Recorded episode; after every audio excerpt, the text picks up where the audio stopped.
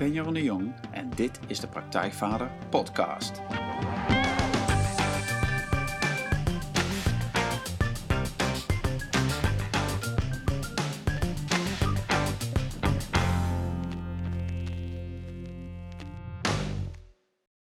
Welkom bij een nieuwe aflevering van de Praktijkvader Podcast. Jeroen hier en goed dat je luistert. Zoals elke aflevering interview ik een inspirerende gast die jou verder gaat helpen bij de volgende stap in je vaderschap.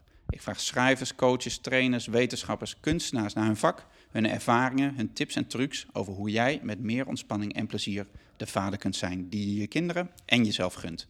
En vandaag is schrijver, trainer, coach en inspirator Janita Veneman te gast. Welkom Janita. Hallo. Ja, Janita Venema schreef het bekende en uit, uh, uitdagende boek uh, over ouders en kinderen, Het Fluisterkind.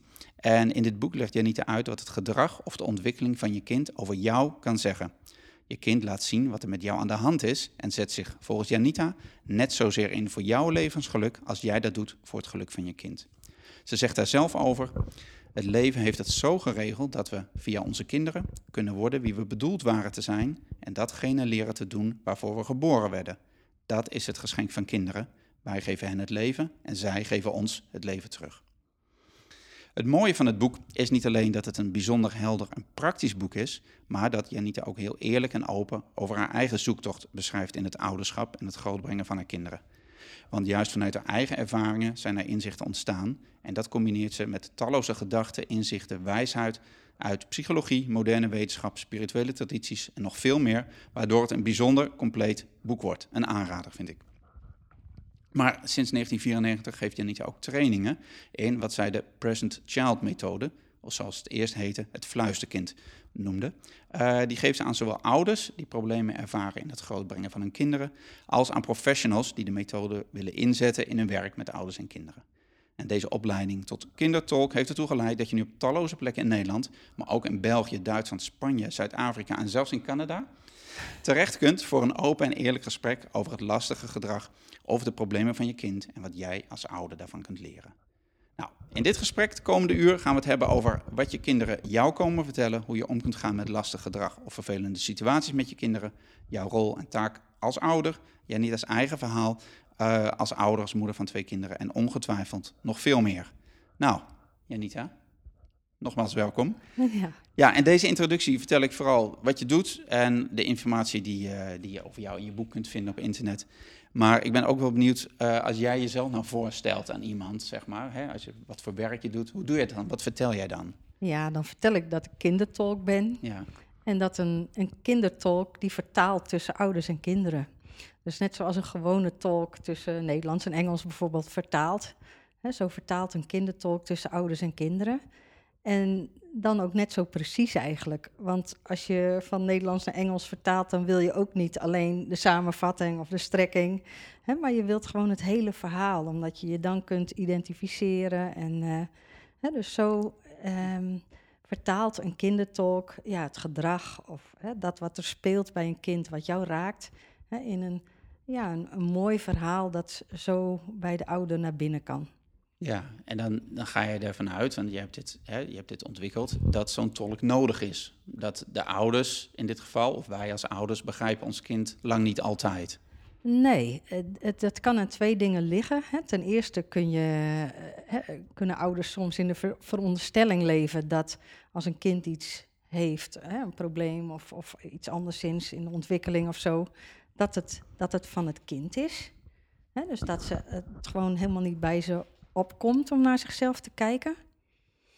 En ja, als ze dan wel iets weten over spiegelen, hè, dan kan het gewoon soms nog heel algemeen blijven. Hè, van mijn kind is druk, ik heb het ook druk. Ja, dat is wel heel erg aan de oppervlakte en het is wel waar vaak. Ja. Hè, maar het gaat ook veel dieper dan dat. Hè, dus ja, en daar is dan inderdaad de kindertalk voor Ja. nodig. Kun je eens een voorbeeld geven om, het, om, het, om er een beeld van te maken van het gedrag van een kind en wat dat dan een, wat dat over die ouder dan zegt? Ja, nou ja, ik vind altijd, misschien, ik geef het voorbeeld best vaker, en, maar ik vind het een prachtig voorbeeld van een moeder die kwam, hè, die bracht in dat haar zoon altijd de gezinsgesprekken in de reden viel. Ehm, en ja, ze zei, daar zitten we gewoon lekker te eten en eh, ineens komt hij dan uit het niks met een verhaal. En weet je, wij zijn de hele draad kwijt en het hele gesprek valt stil. En nou ja, vond ze heel irritant, dus het raakte haar. Hè? dus dat is de voorwaarde om überhaupt aan dit werk te gaan beginnen.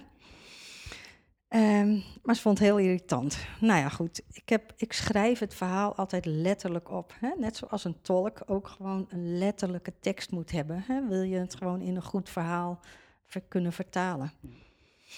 Um, maar dan schrijf je letterlijk op hoe die uh, moeder in dit geval de situatie ervaart. Ja, hoe die moeder praat over haar kind. Ja, oké. Ja, hoe die ouder, ouder hè? kan ja. natuurlijk ook een vader of een leerkracht of een opa of een oma zijn. Um, en ik zei van, goh, het lijkt te gaan over een uh, meisje binnenin jou die een verhaal wil vertellen. En dat verhaal, dat is zo belangrijk, dat moet voor alle andere verhalen aankomen. Voor alle andere verhalen die anderen te vertellen hebben. En ik zei, zegt het je iets? Een man, oh ja, want dat was het. Hij had, die zoon, die had, had uh, ik zei, geef eens een voorbeeld, vroeg ik aan die moeder. En toen zei ze, ja, gisteren nog, toen vertelde die, mam, weet je nog, die man in die auto die wegreed. Ja, en zij navragen, weet je wel, het ging over een man die ze ooit ergens op een vakantie drie jaar geleden, had hij een auto zien wegrijden. En dat wist hij nog? Ja, dat wist hij nog, maar ja, weet je, die moeder die had zoiets van, ja, waar slaat het op om daar nu zo plomp verloren mee te komen? Maar goed, in de vertaling zei ik, zegt het jou iets? Man in een auto die wegrijdt. En ze krijgt, ja, ik zie de tranen opwellen en, en ik zie dat het haar raakt. En ze zegt, dat was mijn vader. Die had TBC hè, en ik was vier jaar. Hij is naar de kliniek moeten gaan, is daar overleden. En dat is het enige plaatje dat ik van hem heb. Ja, weet je, en dan sta ik gewoon. Ja, aan de ene kant is het een soort van magie wat er gebeurt, maar het is ook een soort bewondering van hoe goed kinderen ons dus kennen. Ja. En ja, ja, dat kan ik ook niet bedenken. Hè? Dus het verhaal brengt ons gewoon daar waar we moeten zijn. En ik hoef, hoef het gelukkig ook niet allemaal te weten. Maar die oude klikt dan gewoon weer in. Ja. Die weet waar het over gaat. Ja, en, en dan hè, dus, uh, denk ik ook, hè, dan gaan gelijk natuurlijk als gaat mijn hoofd gaat denken als je dit verhaal bezet. Maar heb je daar dan een verklaring voor? Van je hebt dit soort ervaringen natuurlijk heel veel, want daar gaat heel jouw werk over. Ja. Van, van wat is, hoe verklaar je dat? Of, of hoe, wat ligt er aan de grondslag? Ja, nou het kind doet wat hij doet, omdat hij voelt wat hij voelt. Uh, hè, dus, dus die gedraagt zich op een bepaalde manier omdat hij iets voelt in het gezinssysteem. Hè, in, in, ja, bij vader of bij moeder of bij hun onderlinge relatie. Hè, maar iets wat er ook vaak onbewust nog in die ouder speelt. Maar zonder dat hij zich daar bewust van is? Nee, daar is een kind zich helemaal niet bewust van. Ehm, maar ze voelen dat gewoon wel aan en geven daar uitdrukking aan. Nou, vervolgens gaat zo'n ouder daar ehm, ja, heel, om, eh, ja, heel spontaan, zou je kunnen zeggen, over spreken. als ik aan die ouder zou hebben gevraagd van, goh, hoe gaat het met jou? Dan krijg ik een verhaal wat ze al wisten. Ja. Maar doordat ze spreken over hun kind, spreken ze eigenlijk over een onbewust stukje van henzelf, over hun eigen kindertijd. En ehm, het onbewuste is dan zo geniaal, die komt gewoon precies met die voorbeelden en met die woorden. dus op dat kruispunt van het gedrag van het kind en de woorden en de voorbeelden die de ouders daaraan koppelt, daar, daar zit het verhaal waar je mee kunt werken. Ja. Dat is mooi. En wat, wat, uh, en wat gebeurt, want dan uiteindelijk, wat gebeurt er dan als zo'n ouder dat verhaal erkent? Want dat heeft dan waarschijnlijk ook consequenties voor het gedrag van het kind weer. Ja, ja. Hè, deze moeder liet dat ook helemaal toe. Hè, met een tijdje ja, hè, het verdriet. Maar ze zei ook van ja, mijn leven is vanaf dat moment nooit meer hetzelfde geweest. Hmm. daar kunnen we ons alles bij voorstellen. Um, hè, maar op het moment dat de ouder dat gewoon toelaat, hè, de emotie die daarbij hoort en um, ja, ook gewoon zelf dus nieuwe wegen inslaat om het leven alsnog zo te maken zoals je het graag had willen hebben. Ja, ja op dat moment uh, houdt het kind dus op met het gedrag. Uh, in dit geval met het in de reden vallen van die gezinsgesprekken. Ja. En dat heb ik natuurlijk ook gewoon zelf hè, aan, ja, in mijn gezin, hè, als we het dan hebben over hoe het ooit begonnen is. Ja. ik was gewoon al een jaar of zo aan het zoeken hè, bij mijn zoon van hoe krijg ik hem beter. Hè? Dus ik ja, want zag- jouw zoon die zat niet goed in zijn vel. Het, Nee. het was, En, Ja. en, en, hè, en ik dacht dat hij een probleem had. Ja. En vervolgens ontdekte ik, hè, ook door het op te schrijven, hè, dat ik een probleem had. ja, En daar heb ik op een avond, ja, toen me dat zo helemaal binnenviel, heb ik eigenlijk alleen maar besloten om mijn leven te veranderen. En dat heb je niet van de een op de andere dag Nee. klaar. nee. Maar ik heb wel het besluit genomen. En binnen een week was hij van alles af wat hij tot dan toe, nou al een jaar lang, ongelukkig en ziekelijk en zo een beetje serieus. En ja, gewoon, het was gewoon weer een kind. ja. Wauw, dat Ja. is fascinerend. Ja, Het is echt heel fascinerend. En, maar, en zeg, dit, dit geldt dit, doen alle kinderen dit? ja volgens mij doen alle kinderen dit. Ehm, maar we hoeven niet altijd alles te spiegelen. Het gaat er inderdaad weer om, word jij geraakt? Word jij Ja. persoonlijk geraakt door dat wat je kind laat zien? Ja. Soms word je geraakt als ouder, hè, in de zin van, goh, wat zielig voor mijn kind. Ja. Ehm, maar soms word je er ook door geraakt, hè, dat, dat, je, ja, dat je je dingen afvraagt, dat je aan het puzzelen bent, dat je het niet snapt en dat je alsmaar ja, zelf zo ermee rondloopt. Nou, dat is een moment waarop, Ja. het, waarop je eigenlijk hè, met een kindertalk kan achterhalen wat er aan de hand is. Ja, dat is mooi. Nou, ik moest aan denken, want ik was natuurlijk de afgelopen tijd was ik met jouw boek bezig en eh, dat ik jou ging interviewen, dus was ik er wat meer ingedoken. En toen op een gegeven moment, mijn jongste is tien, is Ja. Roos, een meisje. En die had ook zo'n zo'n paar dagen dat ze, dat ze niet kon slapen en dat ze een soort bang was, maar ik kon het allemaal niet achterhalen. En nou, toen was ik net met jouw boek bezig. En ik denk van, oké, hey, ja, ik kan nu heel tijd gaan proberen om te kijken wat, waar zij bang voor is, of dat ik dat kan oplossen, want dat wil ik natuurlijk graag als ouder. Ja, dacht, oh, oké, nou. Hey, zo, oh ja, wat zegt Janita? dacht ik, oké, dan ben ik ergens bang voor. Of het, En toen, het grappige was dat ik dat, nou, me zorgen maakte over van alles. En dat zat vooral in de financiële dingen dan. En toen kon ik dat stuk gewoon, ja, merk ik, soort in ontspannen.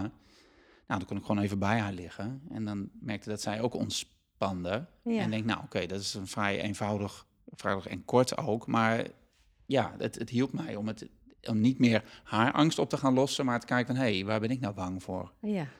ja. Ja. En hielp het ook eh, hè, dat zij ook Ja. beter ging slapen? ja, zij is gewoon gaan slapen. En uiteindelijk kon ik hem daardoor ook gewoon weer soort erkennen van, oh ja, dit zijn een paar dingen die ik, waar ik tegenop zie of waar ik me zorgen over maak. Ja, En Dat, eh, ja, ja. dat was fijn. Ja, Dat is mooi, mooi hoe, het, hoe het werkt. Ja. Ehm, ja, een van de dingen die me ook opvielen in, in je boek eh, is, je hebt één hoofdstuk dat heet eh, liefde. En dat is vrij aan het begin van het boek. En daar schrijf je dat alle keuzes die, die je maakt in het leven van je kind als ouder dan, die komen voort, eh, zoals grenzen stellen bijvoorbeeld, of juist geen grenzen stellen, komen voort uit liefde of uit angst. En dat, ehm dat triggerde me wel, maar van, kun je daar iets meer over vertellen? ja goh, ik denk dat er inderdaad in de basis maar twee keuzes zijn. Dus of, of het is liefde en vertrouwen, hè? ook vertrouwen in, in de natuur, in de genialiteit van, van, ja, van hoe alles in elkaar steekt. In ehm, de openheid van kinderen en hun vermogen om daar expressie aan te geven.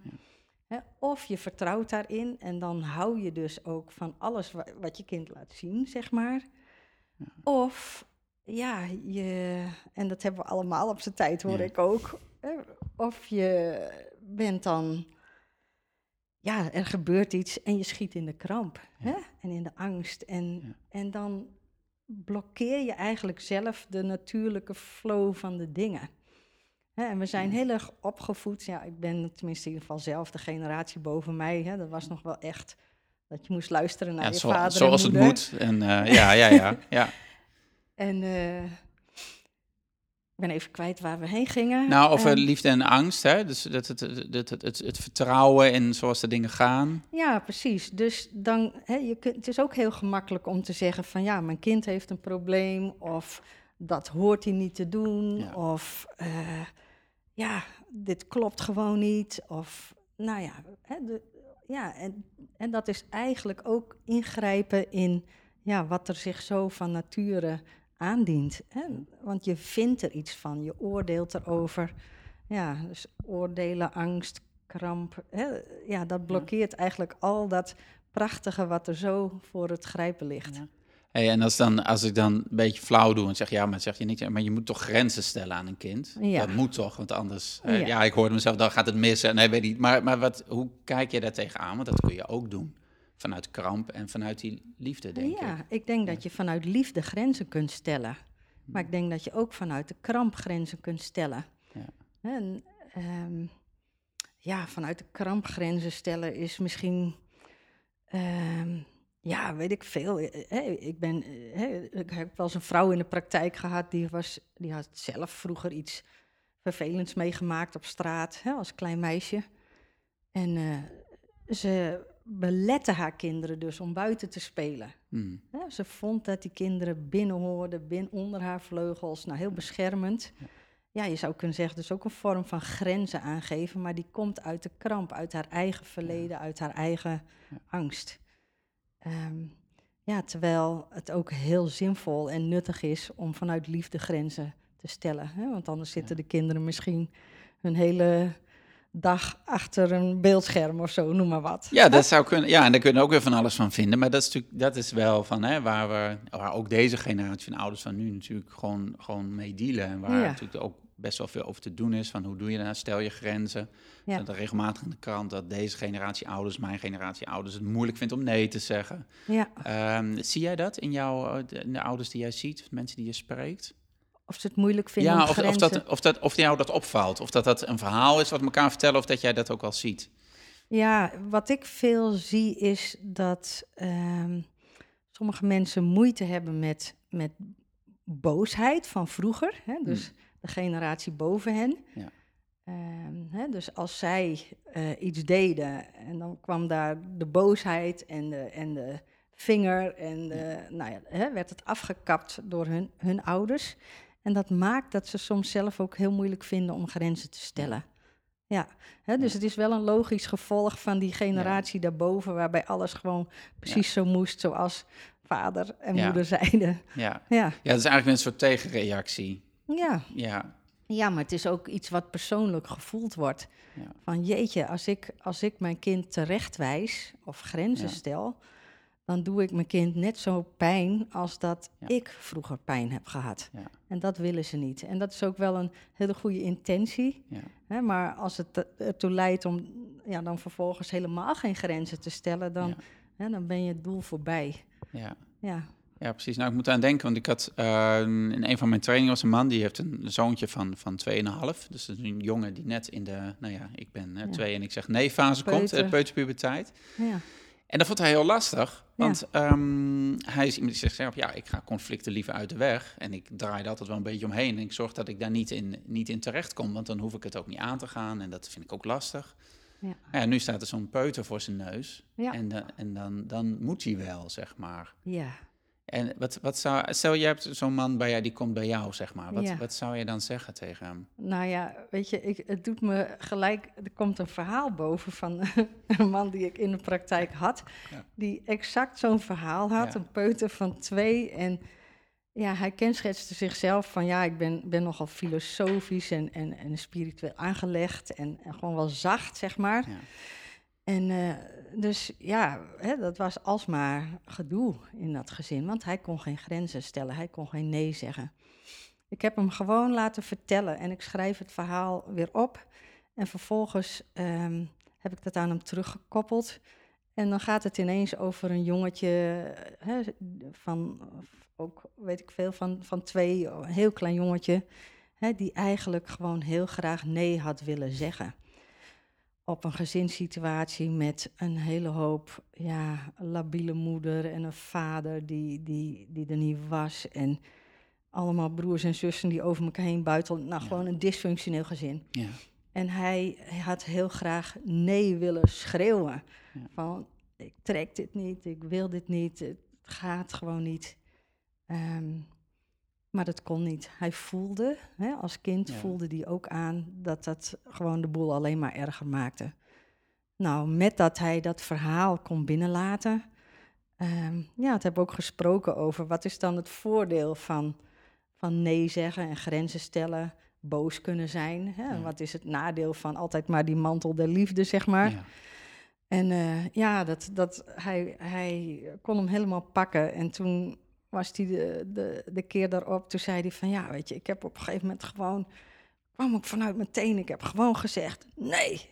Ja. Ja. En, eh, ja, en hij zei, tot mijn stomme verbazing kon zijn zoontje eh, gewoon heel goed een authentiek nee verstaan. Ja. Hè, maar dat voelen kinderen ook. Is het gemeend of is het gespeeld? Ja. Hè, als het opvoedkundig gespeeld wordt, ja, van het moet omdat het in de boekje staat. precies, Ja, dan werkt het niet. Daar prikken kinderen gewoon meteen doorheen. ja dan gaan het- ze maar door. Ja. ja.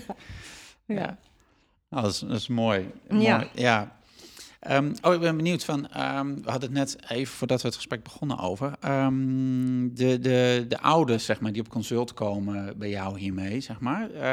Merk je een verschil tussen waar de moeders en de vaders mee zitten? Kun je dat zeggen?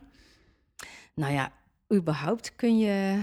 ehm, zijn het meestal de moeders die komen voor hun kinderen. ja. op een of andere manier is dat dan toch nog steeds wel een beetje traditioneel misschien. Ja. Al komen er wel steeds meer ehm, stellen ook. Hè? Dus dat ze nu samenkomen. Ehm, Nou, ik vraag het ook omdat ik nieuwsgierig ben van als een kind, hè, zoals jij erin staat, dat ver- vertoont een bepaald gedrag.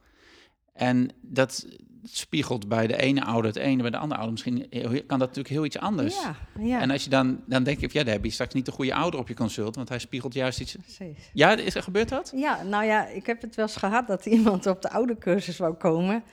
En, die zei, en toen zei, belde ze op het laatst op en toen zei ze van... nou, ik denk dat ik mijn man maar stuur, want die kan het allemaal veel beter vertellen.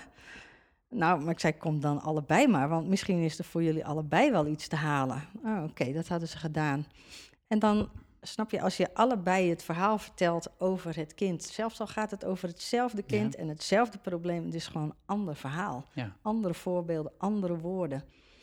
En eh, ja, ze kregen gewoon allebei een totaal verschillend verhaal terug. En ja, dat is natuurlijk het mooist van al. Hè? Als Ja. je het gewoon, ja, als je beide ouders eh, dan te spreken krijgt. Ja, en is het dan zo dat het kind dat dus uit, uiteindelijk allebei die, die stukken van die ouder spiegelt? Nou ja, het kan ook wel voorkomen dat een kind één ouder spiegelt. Hè? Ja. Omdat die ouder is daardoor geraakt. Die ouder Ja. heeft daar een probleem mee. En die andere ouder, ja, die, die heeft daar, weet je, die denkt prima. Ja. Hè? Het is helemaal oké hoe je het doet. Ja. Nou ja, dan is het ook, hè, dan kun je volstaan met één ouder Ja. spreken. Want hoe was dat toen voor jou toen? Hè? Jij, eh, je zei net even hoe het voor jou begonnen was. Je, jouw zoon, die, eh, die, die spiegelde jou van alles. Hoe was dat toen voor jouw partner? Ja, nou ja, hij vond het ook natuurlijk wel heel wonderlijk. Ehm, hè, dat, dat het kind in ene beter was. Ehm, ik moet je zeggen, ehm, wij hadden toen ook niet zo'n goede relatie. Dus ik heb in de loop der jaren, ik heb de methode steeds verder ja, uitgekristalliseerd en hem op, op verschillende momenten en manieren geprobeerd daarin te betrekken. Ja. En dat is me niet goed gelukt. Hm. Ehm, ja, dus uiteindelijk heb ik he- gedaan wat ik kon Mhm, doen. En ja. ja. ja, misschien heeft hij ook wel op zijn manier gedaan wat hij kon. Dat, dat, Ja. Maar ja, in ieder, in ieder, in in geval, voor, voor mij voelt het niet helemaal een compleet verhaal. Ja, ah, oké. Ja. Hey, en hoe is dat dan nu? Hè? Want ik, eh, de voorbeelden die we aanhalen, of die we nu hebben, gaan vooral over jonge kinderen. Ja. Eh, gaat dat, eh, blijft dat? Blijf je kinderen, ook al zijn ze, hè, jouw kinderen zijn volwassen, Ja. blijven ze je dingen spiegelen of laten zien? Ja, volgens mij kan dat wel. Ehm, alleen is een kind, hè, als die volwassen is, natuurlijk ook zelf verantwoordelijk geworden voor zijn eigen leven. Ja, zijn of haar eigen leven. Ja. Maar toch kunnen er ook nog steeds van die, ja, van die patronen zijn waar je op elkaar inhaakt. Ja. En, en, en dat heeft niks met leeftijd te maken. Nee. Ik heb het wel eens een keer gehad, ja, dat de moeder ehm, iets aandroeg over haar volwassen zoon. En ze wou heel graag dat hij eindelijk eens uit huis ging. Ja, dat is een mooi klassiek voorbeeld. ja, ja, ja. En goh, nou ja, ik weet niet, ik, het is heel lang geleden, dus ik weet het verhaal niet helemaal meer. Maar goed, het kwam erop neer. Zij was kunstenares en, en zij wou ook gewoon heel graag met haar dingen buiten de deur. Ja. laten zien wie zij was. En gewoon volop in het leven staan. En eh, ah, toen werd haar door, dat, door de vertaling kwam dat ook helemaal bij haar binnen. En het was een cursus over twee dagen. Dus de volgende dag eh, kwam ze opnieuw terug naar de cursus en zei: Je raadt nooit wat er gebeurd is. Hij is vannacht niet thuisgekomen. En gewoon die nacht al niet. Die nacht Oké, ja. meteen al Ja. niet. Ja, Ja, nou ja, hoe het verder gaat, vertelt het verhaal niet. Maar dat kan inderdaad verschillend zijn. De ene keer, hè, kinderen laten het eigenlijk meteen merken. Dat wil niet zeggen dat altijd alles meteen is opgelost. Maar ze geven wel een, een, een signaaltje van... hé, hey, er is Ja. iets veranderd en dat voel ik. En hè, ik laat zien dat je het goed begrepen Ja. hebt. Maar soms is er ook wel dan daarna een proces nodig... Hè, om, om gewoon ja, de dingen echt goed voor jezelf ja, op de rij te krijgen. Ja, of- precies, Of, of want te dat verwerken of wat dan ook. Ja, precies, dat vroeg ik me af. Want ja, en dat ook het voorbeeld van de man die je net gaf, van die man die dan in één keer zo'n authentiek nee geeft. Ja, kan me voorstellen dat hij de dag daarop weer gewoon in zijn oude stukken vervalt, Ja. zijn oude patroon, of zoals hij het altijd deed. ja. Van, ehm, help je ze dan? Of, of, Ah, of ja. eh, hoe doe je dat? Van, ja. ehm, nou, dat vind ik het hele mooie aan deze methode, Present Child methode, dat je kind wordt eigenlijk je leermeester. Want je ja, kunt nooit meer hetzelfde naar je kind kijken.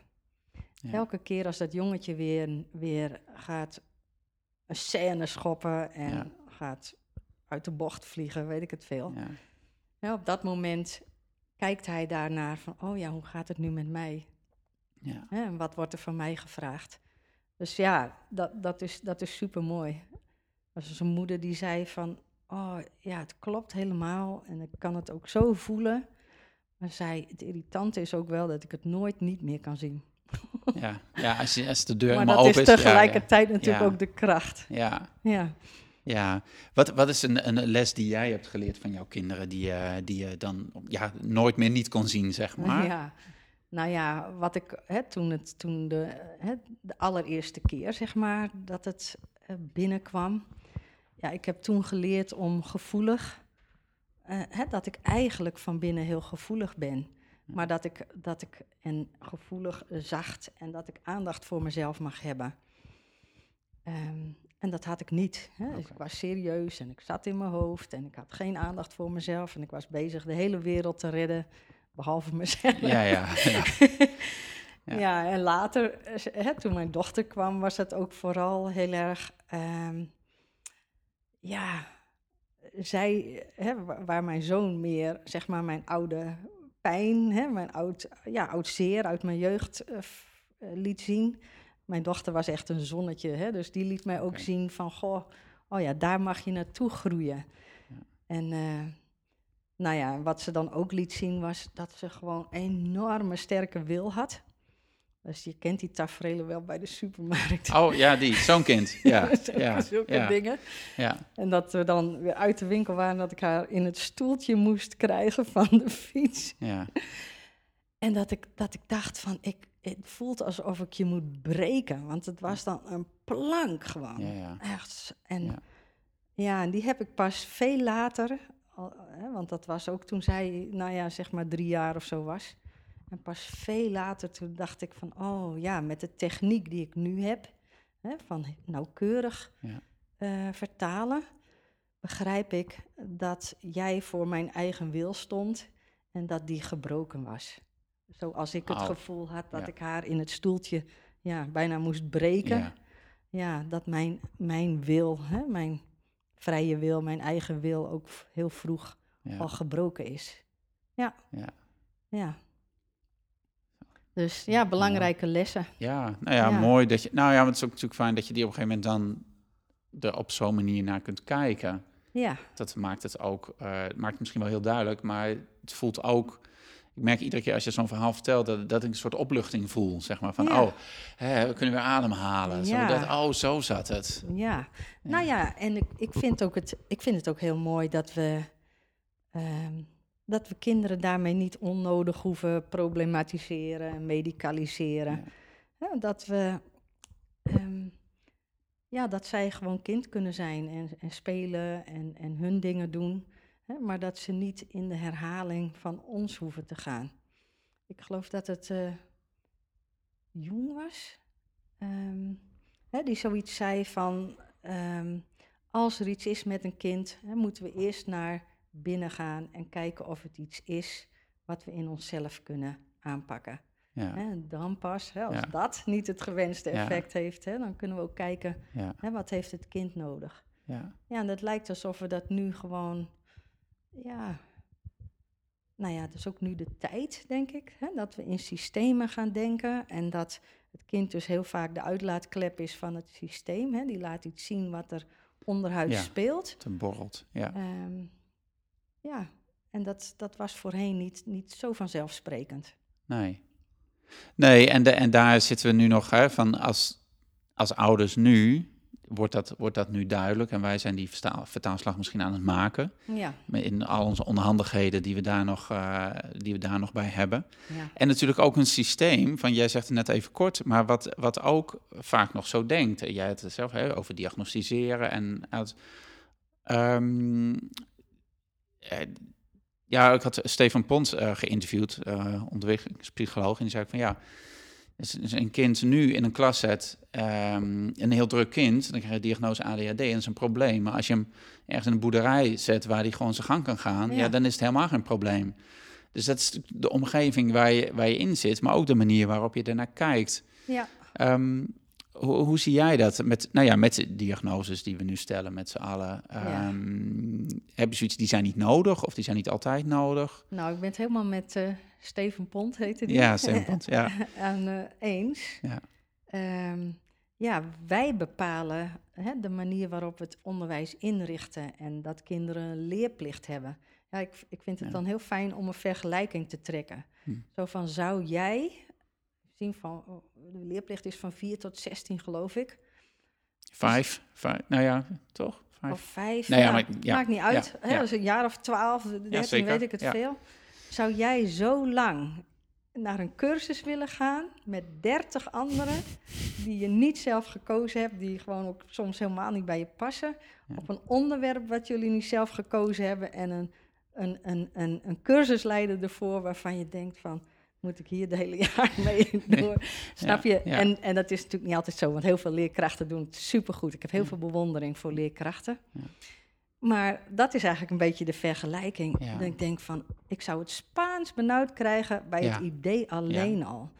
Ja. en dan, ja, gewoon, nou ja, Goed, ja, het is een, het is een heel onderwerp wat je Ja, maar, maar, maar, het, maar, dan, hè, maar dan denk je, we hadden het net even over, over angst en liefde, maar dan is natuurlijk wat heel veel gebeurd. Is dan, ja, maar als we dat niet doen, dan leren onze kinderen niet dit en dat. En dan komt het, komen ze nooit terecht. En want het moet wel. En het is toch belangrijk dat ze kunnen lezen en kunnen rekenen. Ja, en... dat is ook belangrijk, vind ik heel, heel erg belangrijk. Maar de manier waarop we het doen, het schijnt dat je in gewoon hele korte tijd kunt leren lezen als het kind eraan toe is. Ja. En, en ja, sowieso het, het onderwijssysteem waarbij je, waarbij je ervan uitgaat dat wij, die al van een generatie ouder zijn, dat wij kunnen weten wat kinderen nodig hebben over 15 of 20 jaar of 30 jaar als zij volwassen zijn. Ja. ja, dat weet volgens mij eigenlijk niemand. Ehm, en gaat het ook helemaal niet zozeer meer over kennis opdoen, maar wel dat kinderen leren, ja, een aantal basisvaardigheden. En dat ze verder leren leren. Hè, en dat ze daar ook lol in houden. En het systeem wat we nu hebben, is er niet altijd op gericht dat, ja, dat kinderen de ervaring opdoen dat leren leuk is. Mhm. Ja, ja en, en dat, uh, dat kan ik helemaal met je meevoelen. En uh, mijn kinderen zitten ook gewoon op een school en die gaan in de middelbare school en eentje nog op de basisschool. En denk van ja, ik kan op dit moment hè, kan ik het systeem niet veranderen. Nee. Um, maar wat denk je, wat, wat zouden ouders zelf kunnen doen van, om dan uh, om dat ja, of te compenseren of iets mee te doen, zeg maar? Van... Ja. ja, nou in ieder geval met hen erover praten. Hè, dat het systeem nu nog zo is. Hè, maar ja, dat je ze ook bevestigt in hun eigen wijsheid en kunnen en kennen. En ja, maak dingen leuk. Hè? Ik, ik, ik, ja, ik denk dat je daar als, als leerkrachten ook naar een school toe, hè? dat je ook, ook kunt vragen hè? naar andere manieren van onderwijs. Er zijn inmiddels zoveel ja, in Scandinavië en zo ook Ja. zulke mooie experimenten. Ja. Maar ook in Nederland zelf. Hè, waar, waar, ja, waar we zoveel van kunnen leren. Het is Ja. gewoon internettijdperk. We, we kunnen Ja. zo alles bij elkaar eh, Ja. zoeken. Ehm, maar goed, we zitten nu in het systeem waarbij we ja, waarbij een school en, en een directeur en een leerkracht ook afgerekend worden op de ja, leerprestaties en, en, en de leeropbrengst. Ik vind het een verschrikkelijk woord. Leeropbrengst, dat is heel naar woord. Ja, ja. ja, ja. en ehm, eh, wat, zei, wat zei jij, zeg maar, van toen jouw kinderen op de middelbare school zagen... en die kwamen dan thuis en zeggen, ja, oh, Duits is stom, wiskunde is stom... en eh, ik heb geen zin. En eh, ja. wat, wat zei jij dan? Van, Goh, lang geleden hoor. ja. ja, misschien zei ze het helemaal niet, hoor, maar dat is... Nee. Van, Ik denk dat, ik weet niet, ik heb het gevoel dat heel veel kinderen tegen die tijd ook soort van al helemaal zich in het systeem hebben gevoegd. ja. Dat wil niet zeggen dat ze het ermee eens zijn, Ja. maar ze ondergaan het gelaten, zo, zoiets. Ja, Ja, en de een, nou ja, ik, ik zou bijna zeggen, de kinderen die nog steeds dan zeggen van ik vind er niks aan. Ja. Nou, gefeliciteerd. ja, die hebben nog een eigen wil. Ja, ja, ja, ja de koesteren. ja, Ja, zeker. Mooi. Ik wil nog even terug naar je, mm, naar je methode, of de Present Child methode. Want in het, in het boek eh, heb je het over ehm, drie manieren waarop je kind iets kan spelen. Over het onaangename gedrag. Nou, daar hebben we het al een beetje over gehad. Dat vind ik ook het meest duidelijk, of die springt het meest in het oog. Maar je hebt het ook over aangenaam gedrag, wat je daarin spiegelt. En over wat als je kind ziek is, wat, wat je daarvan kunt. Kun je Ja. erover dat... Nou, laten we eerst over dat aangename gedrag. Want dat is veel fijner om naar te kijken, denk Ja. ik, dan naar wanneer het niet helemaal lekker gaat. Ja. Hoe werkt dat? Ja, nou in mijn praktijk eh, werk ik er niet heel vaak mee, want mensen komen altijd als er iets fout is. Ja. Hè? Ja. Ehm, maar het is wel leuk om het er soms een beetje aan toe te voegen, hè, om- omdat we op die manier ook niet in het probleem blijven hangen. Ja, Hè, net zoals ik net zei van, goh, hè, mijn, kind, mijn, mijn zoon liet me eigenlijk zien hè, waar ik vandaan kwam en wat mijn oud zeer nog was, wat ik Ja. op te ruimen had. Mijn dochter liet me eigenlijk het voorbeeld zien. En aan beide kanten had ik evenveel leerweg, zeg maar. ja, Ehm, maar het is een, het, het, het- ja, elk op hun eigen manier laten ze mij zien wat ik te doen heb. ja, Ehm, ja, dus dat over bewonderen. Ja. Ehm, maar het is, het, is, het is gewoon leuk. Ik gebruik het om, om de balans een beetje te Ja. vinden tussen hè, vervelende dingen, pijnlijke dingen, eh, ja, nare dingen en gewoon ook de mooie. Ja, Ja. Nou, ik vond het heel mooi, want in je boek geef je een voorbeeld van, van een, ehm, ik weet niet of het helemaal goed zeg hoor, maar van, van een meisje geloof ik dat heel, heel graag tekent en er heel blij van wordt en nou, ja, allemaal mooie eh, dingen op papier krijgt. ja, En dat dan die moeder, eh, die denkt, ja, maar dan, hè, dat spiegelt mij, ja, maar ik kan helemaal niet tekenen. Of zo, hè? En, en ja. wat, wat, wat gebeurt er dan? Want, Ja, nou, het, hè, want eh, bij, de bij zo'n vertaling hè, gaan we ook heel erg van letterlijk naar figuurlijk. Hmm, Dus het gaat dan ook niet erover dat zo'n moeder letterlijk, hè, of, of, of gewoon in praktische zin, hè, het potlood moet pakken en gaan Ja. tekenen. ja, Hè, maar wel iets van haar leven leren uittekenen. Hè, en, en zich een beeld maken van wat ze heel graag wil. Hè, zoals haar dochter ook dingen liet zien over nou ja, wat haar bezig hield. ja, Hè, dus het, het is meer een figuurlijk uittekenen. Het is ook een figuurlijke creativiteit. Hè? Dus creëer Ja.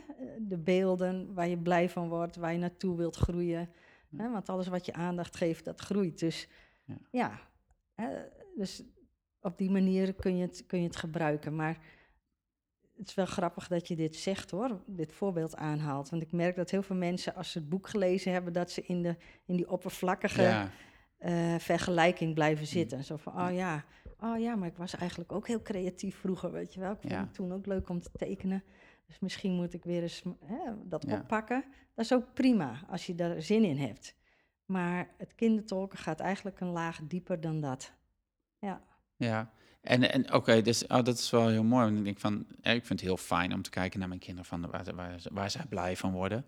Ehm, maar gaat het dan ook over dat je jezelf eigenlijk, eh daar zeg je ook iets over, hè, over, het, over het kind in jezelf weer eh, toestaan om te ontdekken? ja, ja het kind in jezelf. Ehm, en tegelijkertijd een liefdevolle ouder. Ja. Ehm, ja, en, en, en het kan aan beide kanten kan er iets ontbreken, zeg maar. Soms eh, zijn mensen zo onderdrukt dat dat kind gewoon helemaal niet meer de ruimte krijgt. Ja. Ehm, en het kan er ook aan ontbreken dat je niet meer een liefdevolle ouder voor jezelf, hè, voor dat kind van binnen bent, zeg Ja. maar. Omdat je bijvoorbeeld nooit een goed voorbeeld hebt gehad. Of omdat je ouders letterlijk ontbraken. Hè? Ze, Ja. ze waren er niet. Of, Ja. Nou ja, hè, maar dat is de mooiste combinatie. Als je gewoon en dat kind in jezelf eh, speels en spontaan. En eigenlijk, ge- ja, denk ik, wat kinderen ons laten zien is dat ze 100% samenvallen met wat er is. Ja. Maar de ouder is als het ware daarbij, hè, die liefdevolle ouder, eh, die je ook voor jezelf kunt zijn, dat is degene die, die dat erkent. Hè, en die, die er toestemming voor geeft. En Ja. van ja, doe maar, blijf er maar even bij. En voel maar wat er, wat er, hè, voel maar wat er is op dit moment. En Ja. ja, die, die hoort, die ziet, die geeft liefde, die erkent, die steunt. Nou ja, en dat is eigenlijk een prachtig duo als je die in jezelf Ja. ehm, werkzaam kunt maken. Ja. Ja, Ja, mooi. Ja, ik was wel benieuwd van ehm, hoe. ehm, nou, dat is een vraag die, die ik in mijn trainingen ook veel voorbij zie komen. Van, en je zei net ook al even van, het zijn voor- vooral de moeders die komen. Ehm, en in mijn training is er vaak, of niet vaak, maar regelmatig dat de ouders anders in de opvoeding staan. Eh, ja, vaak, vaak dat de vrouw of de moeders er al langer over na hebben gedacht. Ook al eerder zwanger waren. Dus hè, het kindje bij zich dragen, dat Ja. het eerder begint. Ehm, heb jij, eh, als jij gewoon naar de vaders kijkt die, die jij kent of die bij jou komen of in het algemeen, zeg maar.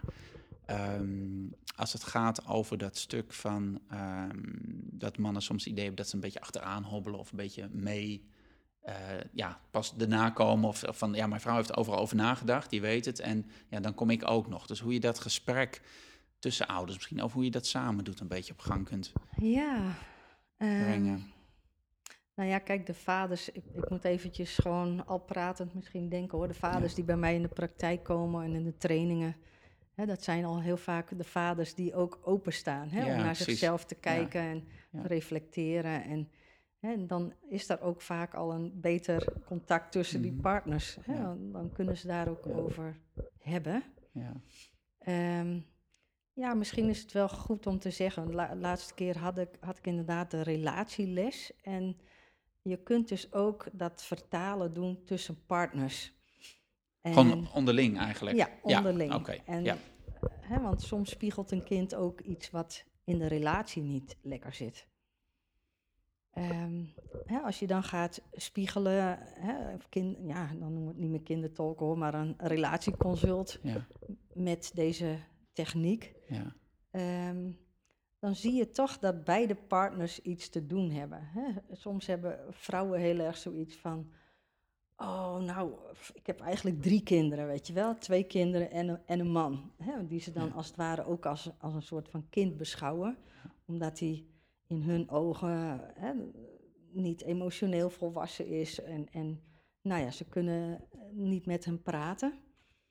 Ehm, en tegelijkertijd, als we het dan terugkoppelen, die beide verhalen van de partners over elkaar, dan komt er ook heel vaak bij dat, of naar voren dat ehm, die moeders ook leren om ja, de zorg hè, voor dat zogenaamde kind dat haar partner is, los te laten. Laat hem, geef hem ruimte. En, hè, want jij, jij bent daar net zo goed eh, deel Het is eigenlijk het patroon wat je samen in stand houdt. Precies, wat Ja. je samen in stand houdt. Ja. Ja. Hè, zo van, ja, dan ben ik die ouder, maar dat Ja. wil je helemaal niet. Je wilt gewoon een gelijkwaardige, Ja, respectvolle, liefdevolle Ja. eh, partners zijn van elkaar. ja. Ja, ja, dat is zo mooi. want Ik geef dan samen met Wendy, mijn vrouw, geef ook relatietraining. En dit zijn natuurlijk typisch dingen die we daar ook tegenkomen. Ja. Van staande stellen, we zijn gewoon met elkaar. En dan op een gegeven moment zijn dit de dingen die duidelijk worden. ja, En dan is het vaak op het moment dat, dat eigenlijk dat in zo'n training of in zo'n ervaring... dat ze even op hun eigen been staan en even uit het patroon kunnen stappen. ja, En dat met zo'n verhaal doe jij dat natuurlijk ook. En dan, dan wordt, oké, ja. Ja, dat, dat geeft vaak een hoop... eh, Lucht. ja, ja, lucht. Van, Ja. ja. En, en ook weer verbinding. Hè? Ja, het Ja. besef dat je het samen doet of zo. En dat niet de een de schuld heeft of zo. Maar dit is van hoe wij het hebben gedaan of zijn gaan doen samen. En dat kunnen we allemaal verklaringen voor geven. Want het heeft ongetwijfeld met onze eigen ouders te maken. En En Ja. heel vaak zie ik ook, zeg maar, hè, dat, want dat heeft dan met een bepaalde omkering te, te maken. Hè, dat bijvoorbeeld juist die moeders, eh, vrouwen, hè, die zeggen van ik heb eh, eigenlijk drie kinderen. Hè, als we het verhaal omkeren, dat die man dus op, op, op andere vlakken ook heel erg zorgt. Hè, misschien voor de financiën of voor de, weet ik het veel wat voor dingen. Hè, en waarin hij dan ook heel vaak vindt dat zijn vrouw als het ware het kind is. Hè? Ja. En niet, en niet Oh, die is, eh, en dan niet is haar over en weer. verantwoordelijkheid Ja. pakt. ja, En dat is heel mooi, als je dat over en weer kunt spiegelen. ja, Want dat maakt ineens dat je gewoon inderdaad weer allebei... Nou, voor de volle 100% verantwoordelijk bent voor jouw helft. ja, ja, dat, Ja. dat is hem uiteindelijk natuurlijk. Ja, mooi. Ja, fascinerend. Fascinerend hoe die Ja. dingen werken. Het gaat niet alleen maar over je kinderen, inderdaad. Ja, ehm, even kijken. Oh ja, en ik was benieuwd van eh, dat- om, ehm, hoe jij dat ziet dan met ziektes. Dus wat, wat een ziekte je, je spiegelt, zeg maar. Of als een kind ziek is eigenlijk, hè, zo schrijf ik het boek. Ja, Dat, dat kan je ook iets laten zien. ja, ja. Ehm, ik ga beginnen met een voorbeeld en dan zal ik even Ja? uitleggen hoe, hoe mijn visie daar een beetje op Ja. is. Kijk, bijvoorbeeld toen mijn zoon, ehm, eh, een van de dingen die die hij toen had, hè, hij was vier, was gewoon een hoofd vol snot. Zo dat idee, dat gevoel kreeg ik erbij. Ja. Dus het liep de hele dag eh, groene snottenbellen uit zijn neus. Ehm, en toen ik, toen ik het hele verhaal over hem opschreef, ehm, toen was daar dus onder andere dit stukje ook in. En toen ik het teruglas, toen dacht ik, ja, mijn, mijn hoofd zit gewoon ook helemaal vol met, niet met snot, maar met oude, oude rommel, hè, wat Hmm. er wel uit mag. Ehm, dus dat is het stukje vertalen. Hè. En Ja. het vertalen maakt niet uit, dat kan je gewoon doen met, ehm, ja, met het gedrag, hè, met datgene wat het kind laat zien en de woorden en de voorbeelden die de ouders geeft. Ehm, de visie daarop hè, is dat we eigenlijk ouders en kinderen verbonden zijn door ja, onzichtbare lijntjes, noem ik dat. Energetisch zou je ook kunnen zeggen. Hè, maar we voelen elkaar aan. En ehm, de holistische visie op gezondheid is dat eerst er een energetische verstoring plaatsvindt. Hè, dus mijn moeder loopt bijvoorbeeld met, weet ik veel, een angst of oud verdriet Ja. of woede rond die geen kant uit kan. Dus eerst wordt dat energetisch gevoeld door het kind. Vervolgens probeert hij daar op het sociaal-emotionele terrein uitdrukking aan te Ja. geven. eh, door brutaal te doen tegen zijn moeder of weet ik het wat. Zelf op dat sociaal-emotionele vlak iets te laten zien. Ehm, en uiteindelijk zakt dat als het ware ook in het lichaam. Hè, je- Ah, oké. in de materie zou je kunnen zeggen. Als je dat niet kwijt kunt, zeg maar, dan... Als het, als het kind dat keer op keer Ja. maar niet, ja, op, hè, ja, de ouder verstaat het niet, lost het niet op. Dus het blijft input die bij het kind maar naar binnen stroomt. En Hm. ja, dan op enig moment gaat dat ook ons lichaam Ja. eh aandoen, zou je kunnen zeggen. En dat weten we eigenlijk wel van onszelf. Dat als we niet zo gelukkig zijn, dat we dan soms ook klachten krijgen. Ja. Maar dat kan dus ook, omdat we energetisch zo dicht bij onze kinderen zijn, kunnen onze Ja. kinderen ook die lading overnemen en dus ook zelf ehm, ja, lichamelijke gevolgen ondervinden hè, van Ja. datgene wat er in het gezin speelt. Ja, nou, daar kan, ik kan me daar gelijk iets bij voorstellen. Van als er gewoon veel spanning is in een gezin, van dat, dat zo'n kind dat oppikt. En Ja. de een is daar misschien gevoelig voor dan de ander. Ja, Maar dat dat wel, eh, ja, dat zie ik ook zo voor me, zeg maar. Onze, onze middelste is nogal gevoelig. Ja, als er iets aan de hand is, ja. en dan pikt hij dat op. En toen hij klein was, de ander, hij is nu 13, dus dat is wel anders. Maar toen hij klein was, was dat vrij duidelijk een soort aanwijzen. Maar als je dat dan, dat vraagt dan ook een soort bewustzijn van jou als ouder om daarnaar te gaan kijken. Eigenlijk zoals jij net zegt van, hè, het hoofd van mijn kind zat vol met snot. Maar je gaat oké, dat gaat over dat ik iets kan loslaten. ja. En ehm, En, maar werkt het dan ook zo, zoals een andere voorbeeld, dat, dat die ziekte dan verdwijnt? Of is dat anders? Ja, maar mijn zoon is, was dus ook, had al een jaar lang dat hoofd vol snot.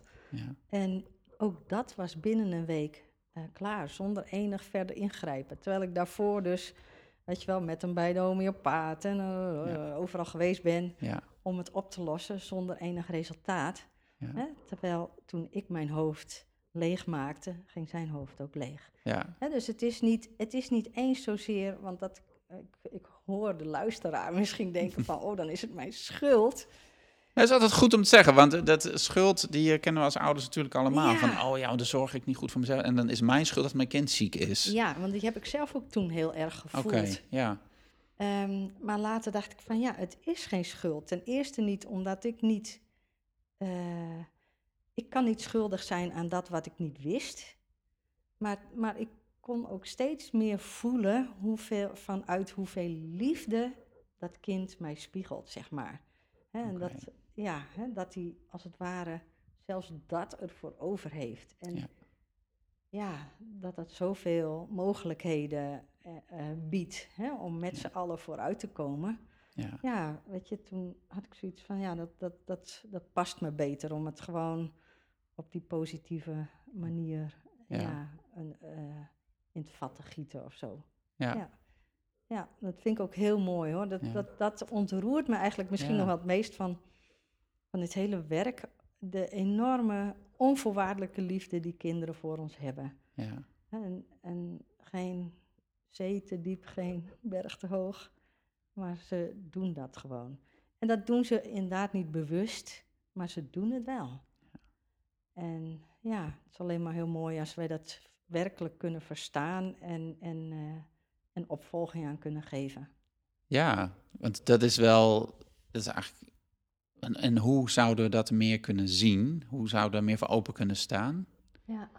Ehm, nou ja, ja, ik zou zeggen, lees, lees het boek. Ja. Maar ik denk dat je voor, hè, voor een stukje met gezond verstand daar ook een heel eind Mm. mee komt. Maar je moet wel bereid zijn om te reflecteren op jezelf. Ja. Ehm, en tegelijkertijd merk ik ook wel, terwijl ik dit zeg, het valt niet mee. Snap je? Ik heb ook jarenlang die gebroken wil, waar mijn Ja. dochter mij op wees, niet gezien. Ja, Ehm, het valt niet mee om je eigen blinde vlekken te ontdekken, want ze zijn blind. Dus je kijkt er nogal gemakkelijk overheen. Zo kan een konijntje zeggen van, oh ja, ik heb een prachtige wereld. Ik heb water en ik heb eten en ik heb een prachtig huisje. Maar er is nog een hele wereld buiten dat konijnenkooitje. Ja, ja, ja, maar dat weet hij niet. Dus heeft hij daar ook geen verlangen naar en ook geen last van. Ja. Maar onze kinderen kennen ons beter dan wij onszelf kennen. En, en hè, dus wijzen ze ons op dingen die voorbij de horizon liggen. Hè? Die voorbij ja, eh, ons, ons kadertje wat we nu hebben. Hè? ehm, wat ook belangrijk is. Hè? Wat ooit is afgesloten of nooit de kans heeft gehad zich te ontwikkelen. Hè? Om Ja. dat alsnog nu ehm, ja, tevoorschijn te halen en als een liefdevolle ouder hè, Ja. op te laten groeien. Nou, het is bijna een soort, het is bijna tegenovergesteld hoe je traditioneel naar het grootbrengen van kinderen kijkt. Van, hè, traditioneel is ja, dus een kind komt, eh, wordt geboren en weet helemaal niks. En mijn taak is ouders om hem op te voeden, netjes af te leveren. Hè? Ja, ja, En zoals jij het zegt, eigenlijk, ja, maar je kind is hier een soort onvoorwaardelijk om jou iets te leren. ja. Ik geloof ook dat Ja. dat de cyclus van het leven is. Ehm, kijk, ooit waren wij dat kind, hè? open en spontaan en spiegelden wij onze ouders. Ehm, maar gaandeweg het leven, hè, dan raken ook nou, ja, dingen afgesloten, hè, leren we overleven. En ik geloof oprecht dat, dat, dat ja, het leven of, of de natuur zo in elkaar zit, hè, dat wij vervolgens ook weer ehm, werkelijk leren leven. ehm, ja, door onze kinderen, zeg maar. Hè? Dus de overleving voorbij, zou je kunnen zeggen. Ja. Ja. Ja. En ja, dat is wel grappig. Ik heb dan ook wel een, een, ehm, ja, als ik dan lezingen geef of zo, dan heb ik altijd zeven vragen bij me. Hè. Dan vra- En dan vraag ik ouders van, wat vind je belangrijk voor je kinderen? Nou, dat ze goed groeien en gelukkig zijn en gezond en zo. En, nou ja, en wat heb, nou ja, er zitten nog wat vragen Ja. tussen, maar eh, de laatste vraag is dan, wat heb je daar allemaal voor, wat heb je daarvoor over? Nou, alles, zeggen ze Ja. dan. En, ehm, en dat is heel mooi, hè? want daarmee, als je ze dan die, die terugkoppeling geeft, dan merk je ook dat, dat ouders ook zoveel van hun kinderen Ja. houden, dat ze werkelijk ook dat lastige stukje wat dan naar voren komt, hè? ook dat willen ze gewoon heel graag aangaan om het voor het kind ja, beter te maken. Nou ja, en vertaald, hè, vertaald en wel, zou je ook kunnen zeggen dus dat kinderen er, wat willen kinderen voor ons? Nou, dat wij gelukkig zijn en eh, goed groeien, ons, hè, dat we goed, ons goed ontwikkelen en gezond zijn. Hè? Dat wil zeggen dat we ja, warm en licht zijn als de zon, zeg maar. Hè? Ik bedoel, ik bedoel Ja. er niet mee gezond van lijf en leden per se. Want je kunt ook heel goed gezond zijn terwijl je een ziekte hebt waar je nooit meer van af kunt. Hè? Of, Ja. of een handicap. Hè? Maar gezond in de zin van dat jouw mens zijn kan stralen en, en licht geeft als een zonnetje, zeg maar. Ja, dat is wat kinderen dus Ja. voor ons willen. Nou, Ja. wat hebben kinderen daarvoor over? Alles. Ja, tot Nou, en met hè, ziek worden en- aan toe. Tot en ja, met ziek worden Ja. en, en nou ja, brutaal zijn Ja. en ons alle Ja. uithoeken van de ring te laten zien, zeg ja maar. precies. Prachtig. Ja. Ah, dat is heel mooi. Ja. Ja, dat is een hele andere kijk. Eh, ik, moet, ik moet ook denken aan het, eh, de titel van het boek van Bertolt Gunster. Van lastige kinderen heb jij even geluk. Ja. Dat, dat, Ja. dat is ook is mooi wat je, Ja. wat je zegt. Ja. Ja. Ehm, en heel benieuwd, het is gewoon nieuwsgierig. Eh, maar ehm, jij schrijft zo open en eerlijk in je boek over, over je eigen kinderen. Ja. Van hoe, hoe is dat nu? Oh, Wat vonden je kinderen daarvan? Ja, nou, ik heb. ja, goh, ze vonden het eigenlijk. ehm, nou, hier en daar wel een beetje mo- moeilijk. Maar ze zijn nu volwassen. hè? Ja, ja. ze zijn nu volwassen. Ja. Nou ja, en, ehm, maar ze vonden het ook wel een eer of zo. Ja, ik weet Mm. niet. Het was een beetje van beide. ja. En ehm, het was heel grappig. Onlangs, want mijn dochter die, die loopt nu stage in de verpleging. En nou, wat doen je ouders? Was zo een vraag Ja. die voorbij komt. Ja, mijn moeder is kindertolk. Ja. Nou, dan heeft ze iets uit Ja, ja, ja, ja, precies. Ja. Oh, zei die stagebegeleidster. Dan weet ik wel wie ze is. Dat je heeft een boek geschreven, toch? Ja, zei, zei mijn dochter. Ik neem hem wel mee. Toen heeft ze dus echt het exemplaar waar ik voor haar specifiek iets ingeschreven heb, heeft ze meegenomen. En dat was voor het eerst dat ze nu zei: Ik ga je complimenten maken over het boek en ook over, ja, over de methode en over het boek zelf en het verhaal. Want nou, Ja. hè, het was eh, heel goed eh, aangekomen. Ja. Het was net alsof ze het via die omweg van iemand buiten hè, kon, Ja, ineens kon horen en toelaten. Ja.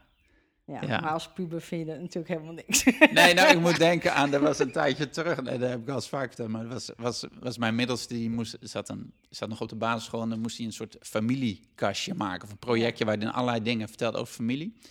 En toen had hij over zijn broer en zijn zus had hij foto's en van ons had hij dan ook al een foto. En daarna ging het vooral over opa en oma en alles. En zegt, ja, maar waarom? Hè? Dus, ja, maar ik ga niet vertellen wat jullie voor werk doen, want dat, dat snapt niemand, zeg maar. Nee. Dus, eh, dit is de, en opa was vrachtwagenchauffeur, dus dat konden we allemaal heel goed vertellen. ja, Dus dat, is, eh, eh, ja, dat is grappig. Ja, Ja. mooi, kinderen. Ja. Ja. Eh, een paar, paar korte vragen. En daar hoef je niet per se kort antwoord op te geven, maar gewoon... ehm, ehm, in je boek, eh, Het Fluisterkind, dat is op zich natuurlijk prachtig, daar hebben we het over gehad. Maar ehm, op het eind heb je ook nog een gigantisch mooie literatuurlijst. Ja, Met, nou, ik weet niet honderden boeken, maar volgens mij in ieder geval wel honderd boeken. En die literatuurlijst is op zich al de moeite waard om, eh, om te kun je jaren mee vooruit. Maar ik was benieuwd of er nu, hè, op dit moment, zo'n boek is wat je, wat je graag cadeau geeft aan iemand. Of je denkt, ja, dat is Oh, een boek wat ik vaak geef. En dat mag een studieboek zijn, een roman. Of gewoon iets wat je, of, wat je onlangs cadeau hebt gegeven, wat je zelf leuk vond. ja. Goh, dat, dat, ik ben heel slecht in titels onthouden. Oké.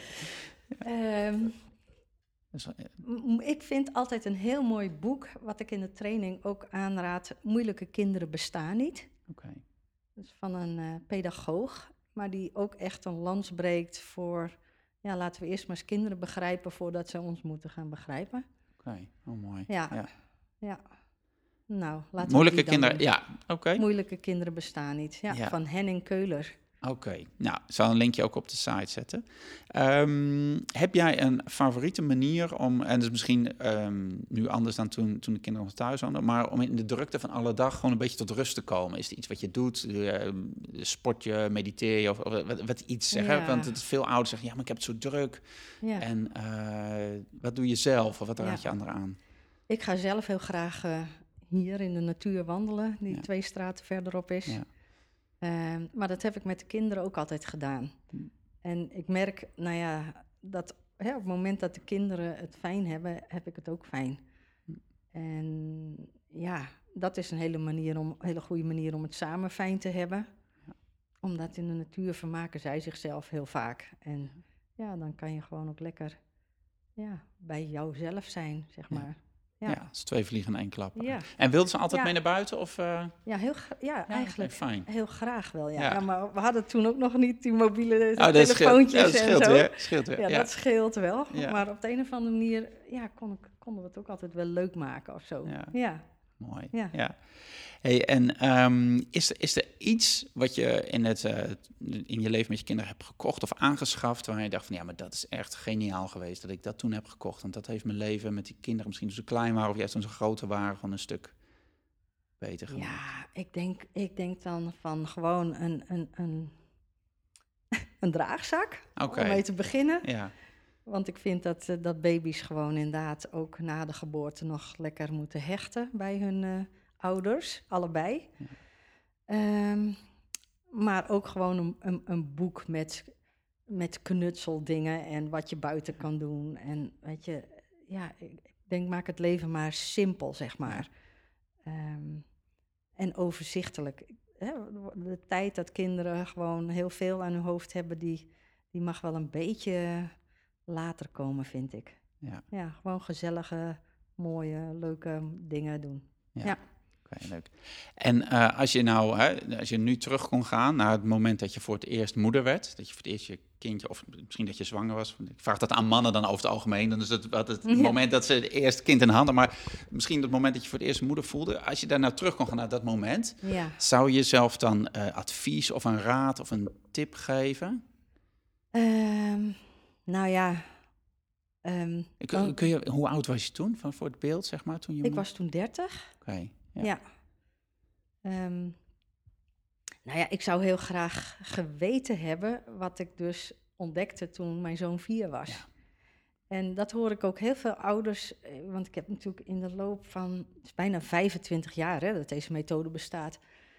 Dus ik heb heel wat mensen voorbij zien komen en ook het boek, eh, die ook het boek lazen en die zeiden van, had ik dit nou toch toen geweten? Mm, Ja. Ja, en ik denk dat dat eigenlijk, hè, dat, als je nou weet dat dat spiegelen bestaat, nou ja, en als je dan ook nog weet wat jouw kind jou wil zeggen en dat je na- daarna kan luisteren en handelen, nou, dan heb je heel veel verschil gemaakt. Ja, ja mooi. Ja.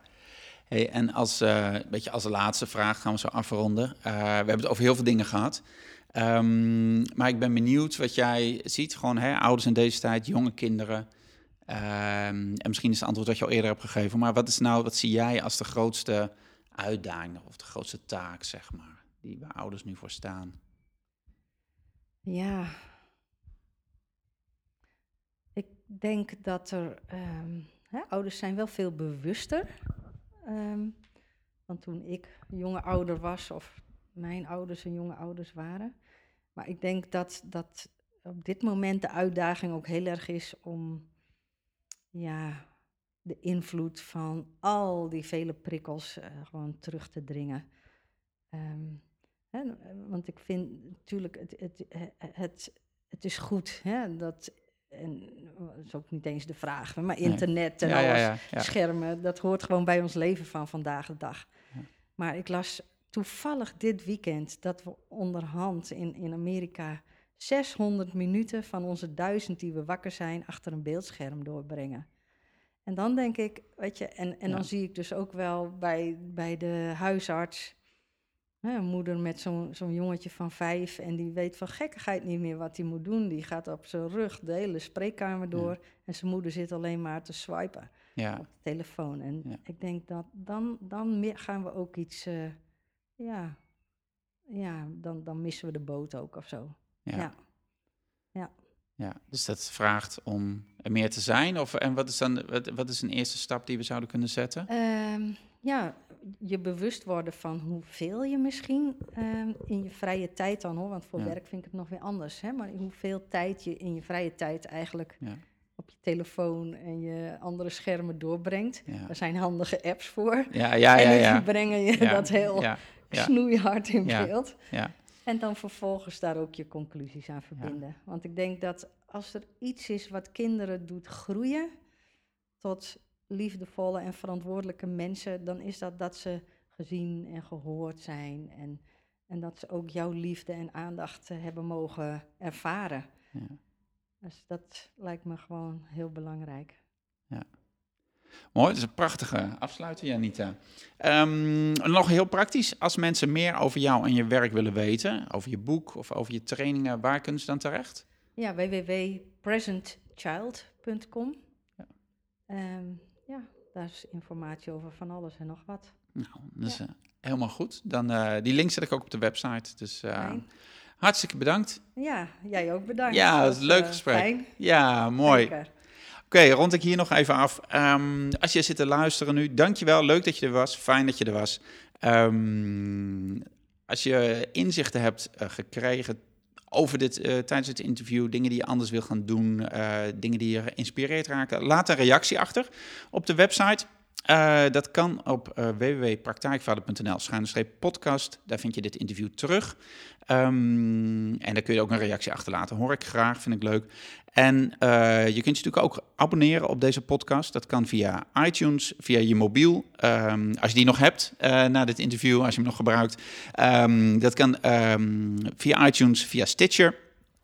En, maar je kunt ook gewoon alle afleveringen terugvinden op de website. Dus dat is www.praktijkvader.nl, schuine podcast. Ehm, als je meer wil weten over de trainingen ehm, die, die ik geef, kun je ook op de website terecht. En ehm, dan wens ik jou verder een hele goede, fijne dag. En ik hoor je graag bij de volgende podcast. Oké, heb het goed. Doeg!